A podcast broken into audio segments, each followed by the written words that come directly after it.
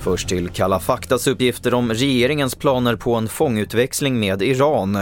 En av männen bakom gripandet av den folkmordsdömde iranien Hamid Nouri går till angrepp mot svenska politiker och varnar regeringen för att släppa honom.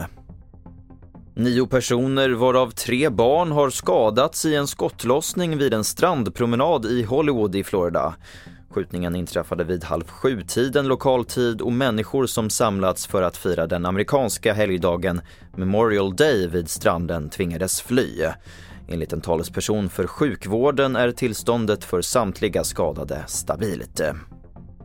I Luleå fortsätter polisutredningen kring de två personer som sitter anhållna misstänkta för att ha flugit med en drönare över skyddsobjekt i helgen. Samtidigt börjar EU och USA idag sitt handels och teknikmöte i stan och säkerhetspådraget är stort. Kenneth Bergqvist är biträdande kommenderingschef på polisen. Men alltid när eh, sådana här personer samlas på ett och samma ställe, flera stycken, då ökar ju hotbilden bara av, av det faktumet. Vad finns det för hotbild, för risk?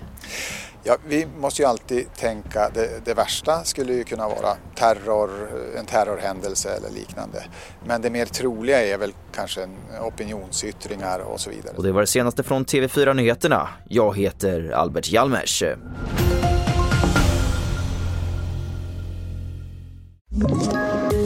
Poddtips från Podplay. I podden Något Kaiko garanterar östgötarna Brutti och jag, Davva, dig en stor dos skratt. Där följer jag pladask för köttätandet igen. Man är lite som en jävla vampyr. Man har fått lite blodsmak och då måste man ha mer. Udda spaningar, fängslande anekdoter och en och annan arg rant.